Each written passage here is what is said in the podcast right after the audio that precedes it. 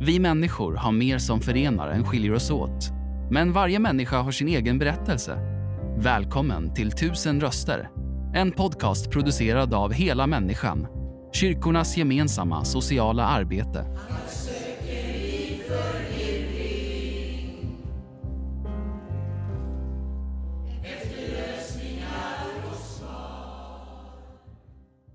Då sitter jag här i eh, Mariestad och verksamheten som Hela Människan driver här och träffar Ingela Ottosson som är 48 år, som har sambo och fyra barn. Alla barn bor hemma. Eh, hon flyttade från eh, Torsby till Mariestad för här finns det många städer runt omkring man hamnar lite som spindeln i nätet kan man säga. Hur är läget med dig? Jo tack, det är faktiskt ganska bra idag. Ja. Är det. Du har ju någonting som heter PCO, alltså någon genetiskt syndrom som skapar eh, övervikt. Dessutom så har du troligtvis fibromyalgi och eh, har en hel del stress idag. Ja, det stämmer. Eh, och eh, du är på arbetsträning här i Hela Människan. Ja, Ja, sen eh, slutet av sommaren kan man säga. Ja. Eh, Men, men eh, hur påverkar det här PCO och eh, de andra sakerna dig i vardagen? Min situation som har blivit på grund av att jag har PCO. PCO gör just att jag får en övervikt och att jag har väldigt svårt att gå ner i vikt. Det är meningen att jag inte ska kunna gå ner i vikt. Och eftersom jag nu har det här så är det inte många läkare som egentligen har kunskap om PCO och vad det betyder egentligen. Och vilka biverkningar som just PCO har. Vilket har lett till att jag har ont i kroppen. Jag har eh, minnessvårigheter som jag har fått på senare tid. På grund av stress, på grund av att de läkare jag träffar de ser bara min övervikt. Det här har ju blivit att eh, när jag träffar läkare så säger de ju att eh, jag ska banta. Och de har inte förståelse för att, eh, jag är, att det inte går att bli smal bara över en dag och få en kropp som fungerar. Vilket då i sin tur som Arbetsförmedlingen kräver att jag ska vara i arbete eller att jag ska vara arbetsför till 100 procent. Mm. Det är väldigt mycket press liksom, du lever under kan man säga. Ja, det är, det är mycket press och det är just det här att under all den här långa tid som jag har varit arbetslös där jag då har suttit i situationer som har blivit nästintill ohållbara för mig och min familj så har stressen kommit så det har lagt sig så mycket att min kropp håller på och eh, ballar ur. Mm. Eh, Min, eh, mitt minne har blivit så försämrat att jag är tvungen att ha larm på för sådana saker som borde vara helt naturligt i vardagen. Som exempelvis att komma ihåg att jag, vilken tid jag ska hämta min son ifrån skolan. Mm. Även att han har nästan samma tider varje dag så är jag tvungen att ha larm på.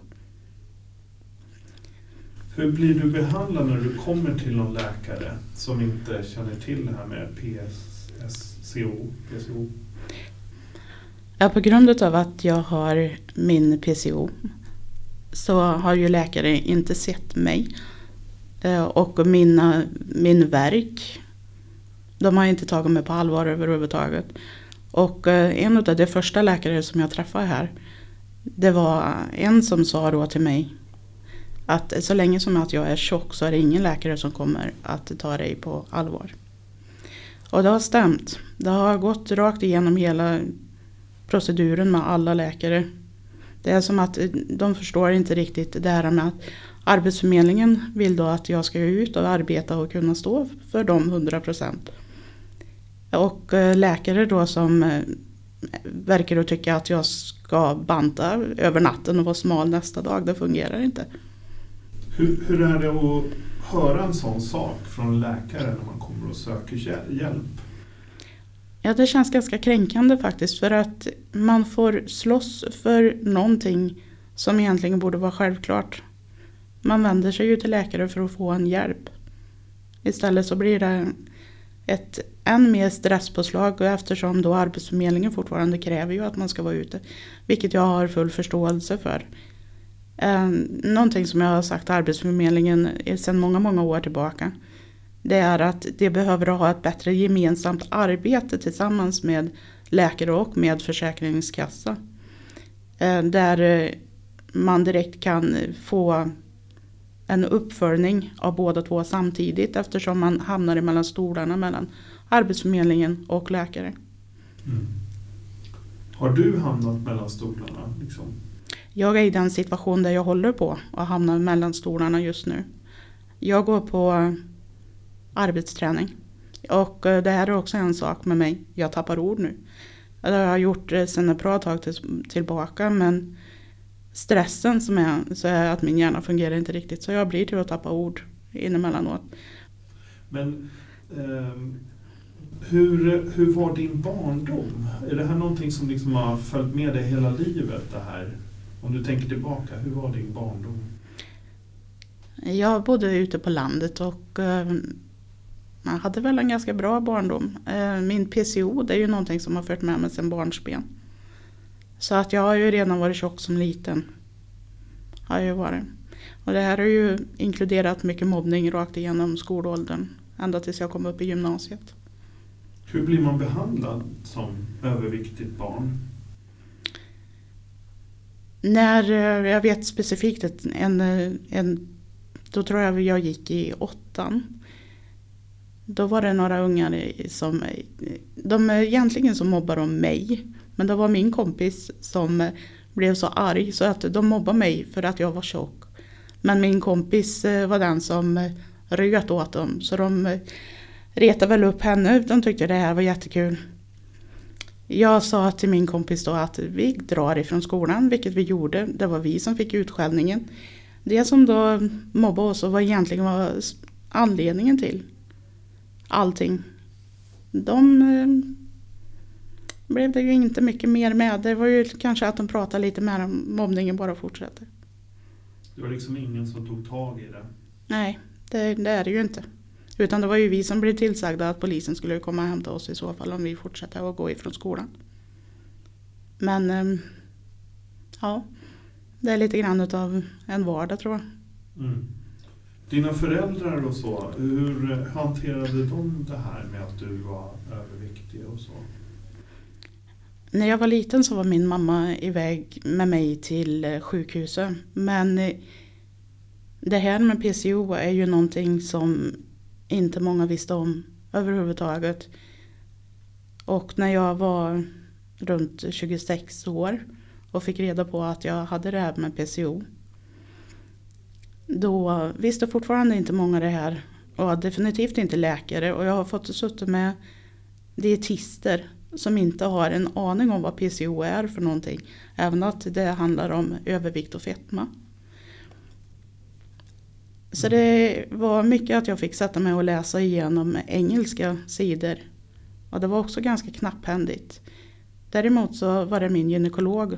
Och det här är oftast där igenom man får reda på och får just den här diagnosen. Då man, många av oss PCO, PCOS-are inte kan få barn. Mm. Man har förhöjt manligt manshormon har jag förstått. Ja det stämmer. Ja. Så att äggen lägger sig i äggstocken men de släpper inte. Mm. Men du har ändå lyckats få fyra barn? Ja, eh, Eh, jag var tack och lov en av dem som eh, har blivit berikad med barn. Mm. Fantastiskt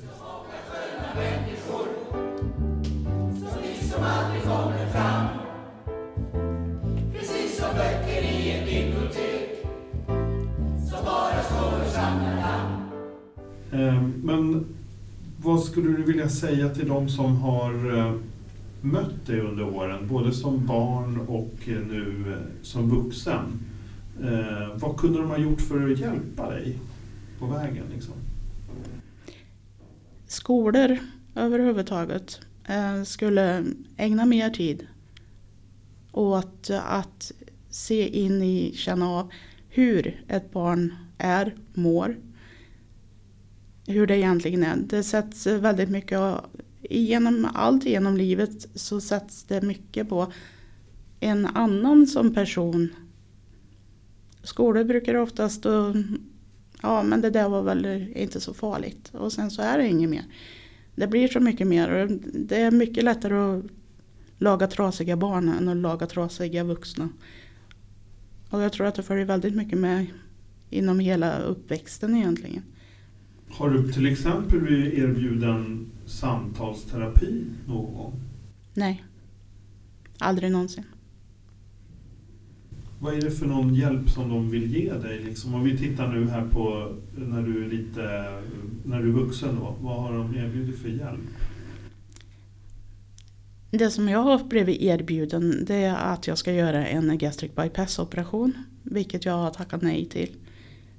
Eh, jag har redan lågt blodvärde. Och eh, det är en av, de, en av många, många saker som man kan få. Så att eh, inom gastric bypass och sleeve operationer. Mm. Så jag är faktiskt ganska orolig för att jag skulle kunna dratta i golvet om jag skulle göra det. Därför har jag då tackat nej till det här. Vilket har gjort att då läkare tycker att Ja, jag ser i dina papper att du har tackat nej till en gastric bypass operation. Ja, och då verkar det inte som de tycker mer än att ja, då har de gjort sitt. Så det, ja, jag kommer inte längre. Jag blir, och det är ju just där att jag känner att jag är så nära att hamna mellan stolarna. På mm. grund av ekonomi och arbetsförmedling och läkare. Hur påverkar det här din och er familjs ekonomi? Ja, eh, nu går jag ju på arbetsträning och eh, så länge som jag har den här tiden. Det är tiden som kommer att komma efteråt. Det är ju den som kommer att vara helt avgörande. För är det så att jag kommer att bli sänkt och jag fortfarande inte har en riktig inkomst. Då vet jag inte hur vi ska ekonomiskt klara oss. För då är det ju meningen då tycker Arbetsförmedlingen eftersom inte läkare ställer upp att jag ska gå till socialen. Och där kan vi hamna i en ganska konstig situation. Hur, får man fråga hur många kronor som kommer in på kontot varje månad i, i dagsläget? Mm. Jag har ungefär runt 10 000 kronor i månaden. Och om jag nu skulle klara av att arbeta i 50 procent det innebär att jag får 5 000 kronor i månaden att leva på. Då är det ju det att de vill att eh, socialen då ska gå in och lägga till kanske då, jag vet inte vad det är, 5 000 kanske på sin höjd. Um, eller så ska min sambo betala för mig. Och det här är också en sak som jag tycker är väldigt kränkande att min sambo ska vara tvungen att betala för mig. För så många människor som i detta land kan bli så utsatt mm. utav en sån situation i ett sånt eh, ekonomiskt läge. Verkligen, det är inte många kronor att leva på. Nej, det är det inte. Om vi, om vi återgår till den här arbetsträningen. Eh, hur, har du, hur känner du att du har blivit bemött här i Ekumeniakyrkan och hela människans verksamhet? Ja, eh, det är ganska otroligt. Jag har bott här som sagt var i åtta år. Jag har inte sett någonting om det. Utan det här var ju väldigt, väldigt roligt att komma hit måste jag säga. Jag är inte den som delar deras tro. Ändå har de tagit emot mig med totalt öppna armar. Det är så goda människor. De har verkligen hjärtat på rätta ställe. Och jag verkligen önskar att det var fler människor som visste om och såg de personerna som är här. Det, det är en av de saker som jag tycker är så fantastiskt. Att de, de som kommer hit, som behöver dem, de finns här för dem. Ehm, jag hade önskat faktiskt verkligen att eh, många i de högre positioner så, ja. Politiker och andra kanske? Ja precis, att politiker också skulle se det här. De skulle kunna se vad de faktiskt gör för andra människor. För jag, någonting som jag har tänkt på, det som kommer hit, det som känner den här gemenskapen. Och det syns så väl på de människor som kommer hit, vad det här betyder för dem. så mycket pengar som stat, regering egentligen tjänar på den livsglädje som de får som kommer hit. De skulle verkligen tacka hela människan för vad de gör. Mm. Det tror jag också. Så för min del för att komma hit och gjort eh, den här arbetsträningen här. Det har verkligen varit kärlek. Du, vad skulle du säga till eh, någon politiker som kanske beslutar i de här frågorna? Eh, liksom, angående din situation, vad skulle du vilja säga där? I den situation som jag har, det är ju som sagt var, de måste ändra när det gäller arbetsförmedling, läkare, försäkringskassa. Det måste bli ett annat arbetssätt där alla parter ingår. Inte att man som person ska kunna hamna mellan stolarna där.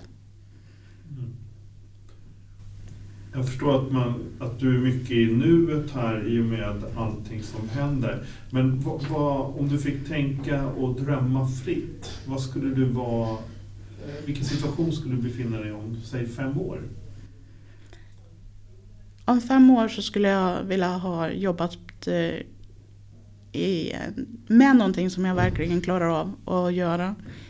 Med människor som eh, är öppna och jag hade önskat att eh, jag behöver inte mycket pengar, det är inte det. Men jag behöver en trygghet. Alla människor behöver en trygghet. Och eh, den är nog faktiskt det enda jag önskar. En trygghet. Vad tror du om en enda grej som samhället kunde göra för att hjälpa dig på den vägen? Vad skulle det vara då? Ja, det var ehm, det som jag egentligen det jag behöver det är ju idag eh, en eh, diagnos över egentligen att jag blev utredd. Utredd? Ja. Mm. Och att jag då får en bekräftelse egentligen på vad det är, varför jag är så hjärntrött. Och att man kan börja på att arbeta med det så att jag kommer in i ett arbetsliv där jag kan försörja mig själv och kunna skapa den tryggheten. Mm. Det låter som faktiskt inte speciellt mycket men som de ändå stoppar. Hela tiden ja. För att de inte lyssnar. Ja. Och det är just det som sagt var. Det är läkare efter läkare som har sagt, jag, det är en av läkarna kom in extra och frågade hur mycket jag vägde och sen så försvann han ut tillbaka. Sen eh, gick han. Så det, det, det är ganska galet. Ganska galen värld man lever i. Det är inte trygghet någonstans egentligen. Blir, att, att man blir behandlad dåligt i vården, det kan vi möta på, på alla möjliga plan. Men hur är det även i övriga samhället? Hur blir man bemött som överviktig idag? Det där med att vara överviktig eller överhuvudtaget ha ett udda eller annorlunda utseende. Eller att man eh, sminkar sig på ett speciellt sätt. Så blir man eh, bedömd utifrån, man blir ju redan bedömd utifrån hur man ser ut. Och um, det här är ganska intressant, jag tycker det är riktigt intressant. Um, därför att är man fin och har fina eh, idealiska drag så blir man mycket bättre bemött. Är man då en Svensson så blir man normalt bemött. Sen är det där, är man kvinna och om man då är överviktig och om man då har ett udda utseende, även att den är hur smart, hur klok som helst, så blir den ändå sämre bemött. Eh, och bemött i det, jag kan tänka mig liksom om du säger att du är inne i en bar, den snygga kvinnan kanske blir bjuden på en drink. Eh, de kan öppna dörren för de personerna. De blir mer allvarligt tagna på inom sjukvården. Däremot som sagt var, det, det, är så mycket graderingar i vårt samhälle så att det tas inte efter den person man verkligen är utan de tar bara på det yttre. Mm. Vad ska man göra åt det här? Ja, spontant kärlek. um, det jag tror att man... Det är så mycket fördomar som behöver slås omkull. Bara för att man ser ut på ett visst sätt eller att man har varit med om ett tragiskt liv. Eller vart man än står i världen och kanske inte är den här perfekta, fina människan. Så innebär det ju inte att man inte har ett vackert hjärta. Jag tycker du sätter väldigt fin punkt på det. Alltså, vi, är, vi ska alla bli bedömda, eller inte bli bedömda på det här sättet, utan vi har ju vi har ett värde. Precis. Som, som är lika mycket. Och det är också det som vi försöker förmedla från hela människan såklart. Eh, och många andra. Tack för att du sätter ett finger på det och talar om att det kanske inte är så här i samhället. Eh, och eh, just få lyssna på din resa, din livsresa och eh, det som du kämpar i. Men man ser också att du, du har en vilja att förändras här. Så att det, det, det känns som att det finns någonting där. Du kommer ändra det här känner jag på. Men tack för att vi fick vara med på den resan. Tack själv. Tack för att du lyssnat. Intervjun gjordes av Daniel Ryderholm och musiken framfördes av Gatans röster. För att hitta fler avsnitt och ta reda på hur du kan engagera dig besök helamänniskan.se volontar.